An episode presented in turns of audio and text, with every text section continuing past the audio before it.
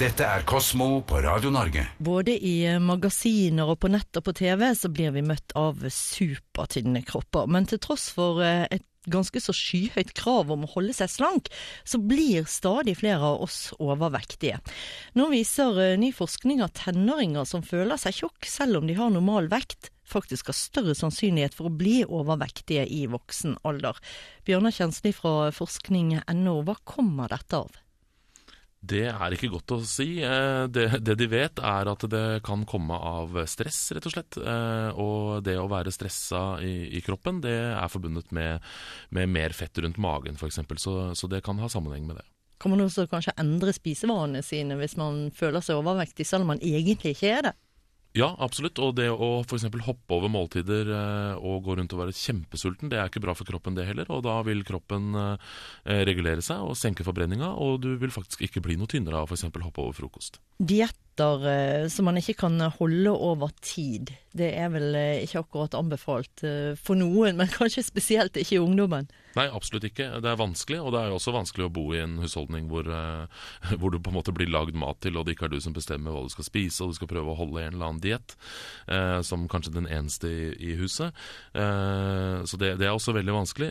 og man er jo utsatt for mye sosialt press og sånn også som tenåring, så det kan være vanskelig å, å, en, å holde en sånn diett. Og så er det også sånn at at det å trene heller ikke hjelper noe særlig for tenåringer når det gjelder det å opp oppleve seg selv som overvektig eller ikke. Altså, hvis, selv om du ikke er overvektig og, og du trener, så, så, kan det hende du fortsatt føler deg overvektig. Da. Kan du si litt om eh, det forskerne har gjort i denne såkalte Hunt-undersøkelsen, hvor de har sett nærmere på dette? Ja, Hunt er uh, helseundersøkelsen i Nord-Trøndelag. og Det er en uh, kjempestor undersøkelse som har blitt gjort uh, flere ganger. Hvor man da har intervjua folk ved, og, og, og, tatt masse medisinske tester av dem på forskjellige tidspunkter i livet. Da. Så Den første undersøkelsen her er gjort i mellom 95 og 97. og Da har de spurt nesten 1200 normalvektige tenåringer av begge kjønn om ulike ting når det kommer til kosthold og vekt og hvordan de har følt seg. Og så har de også blitt veid og målt på alle mulige måter. Og så har de blitt spurt igjen i mellom 2006 og 2008, og da hadde de blitt mellom 24 og 30 år. Og så har man sammenlignet dette her og sett f.eks. det da, som du sa, at, eh, at, de som da føler seg overvektige som tenåringer, faktisk blir overvektige som, eh, som voksne. Og dette gjelder eh, også betydelig mer for jenter som da blir overvektige kvinner, enn det gjelder for gutter. Vet vi noe om forklaringen på det? Hvorfor det er forskjell på kjønnene her?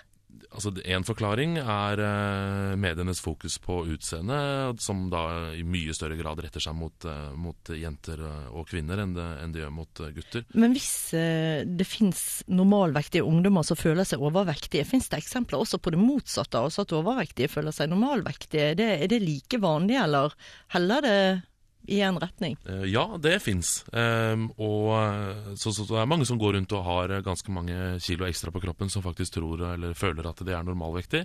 Og eh, det, forskerne mener at at det viktige ikke er nødvendigvis da å fokusere på uh, hva slags kroppsfasong man har uh, og hvor tynn man er, men det viktige er å fokusere på hva man spiser og at man holder seg i aktivitet. Og at det er, er, på en måte det Hvis man skal bli presset inn i noe som tenåring, så er det det som gjelder, da, ikke det å, å strebe etter en, en syltynn modellkropp. For det er ganske få av oss som har en sånn kropp. Du hører Kosmo med Marianne Moe på Radio Norge. Tidligere i året raste debatten om fedmeoperasjoner for ungdom. Er det riktig at ungdom som ennå ikke er ferdig utvokst skal gjennomgå omfattende operasjoner for å redusere vekten?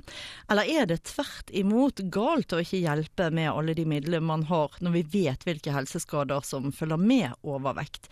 Hanne Jacobsen fra forskning.no, dette med fedme er det noe man forsker mye på, og også hos barn og unge. Hva sier forskningen eh, i forhold til hvordan man best kan hjelpe ungdommer som sliter med overvekt.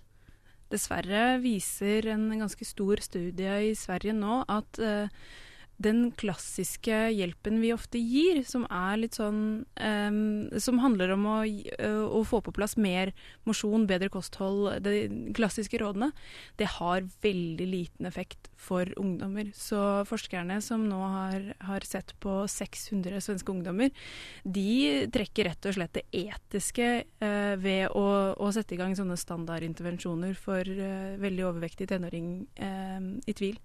De mener det er, eh, det er uforsvarlig da, å å tilby en sånn behandling som både ikke fungerer og som sannsynligvis fører til dårlig selvtillit når du mislykkes. Mm. Eh, når de ser at hvis det skal ha noen effekt det der å be dem om å trene mer, så må du eh, nå ungdommene, eller nå barna, veldig mye tidligere.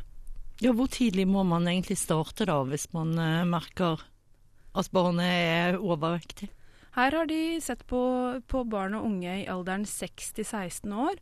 Og det viser seg at de som har aller best effekt, er de eh, i den aller yngste aldersgruppen, så 6 til 9 år gamle. Hvis de fikk en skikkelig intervensjon da, en ordentlig, ordentlig hjelp, og da er det snakk om hjelp fra lege, ernæringsrådgiver, eh, fysisk eh, rådgivning, altså ikke bare sånn der det er om å gjøre at du spiser litt bedre.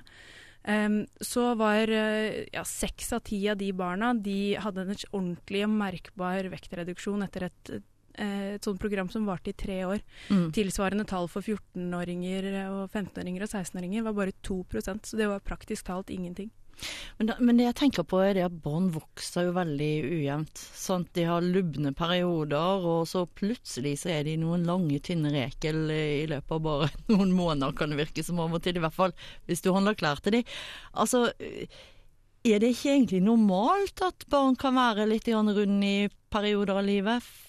Altså, når, når skal man vite når man skal sette inn sånne tiltak, og når man skal vente?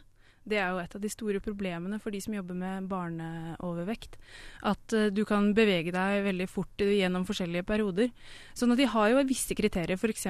så er det en god indikator vekt til foreldre. Uh, for mye vekt er genetisk.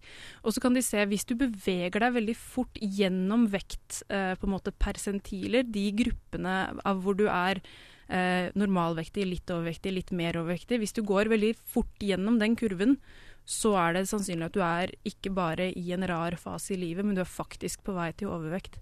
Og det viser seg også, dette er ikke snakk om, om litt valpefett, på en måte, dette er sykelig overvektige barn. De 16-åringene som var med i denne studien her, nesten alle av de var sykelig overvektige eh, ved syvårsalderen. Det er veldig tidlig, og det er veldig mye overvekt. Så da mm. på en måte er det ikke noe spørsmål lenger, da.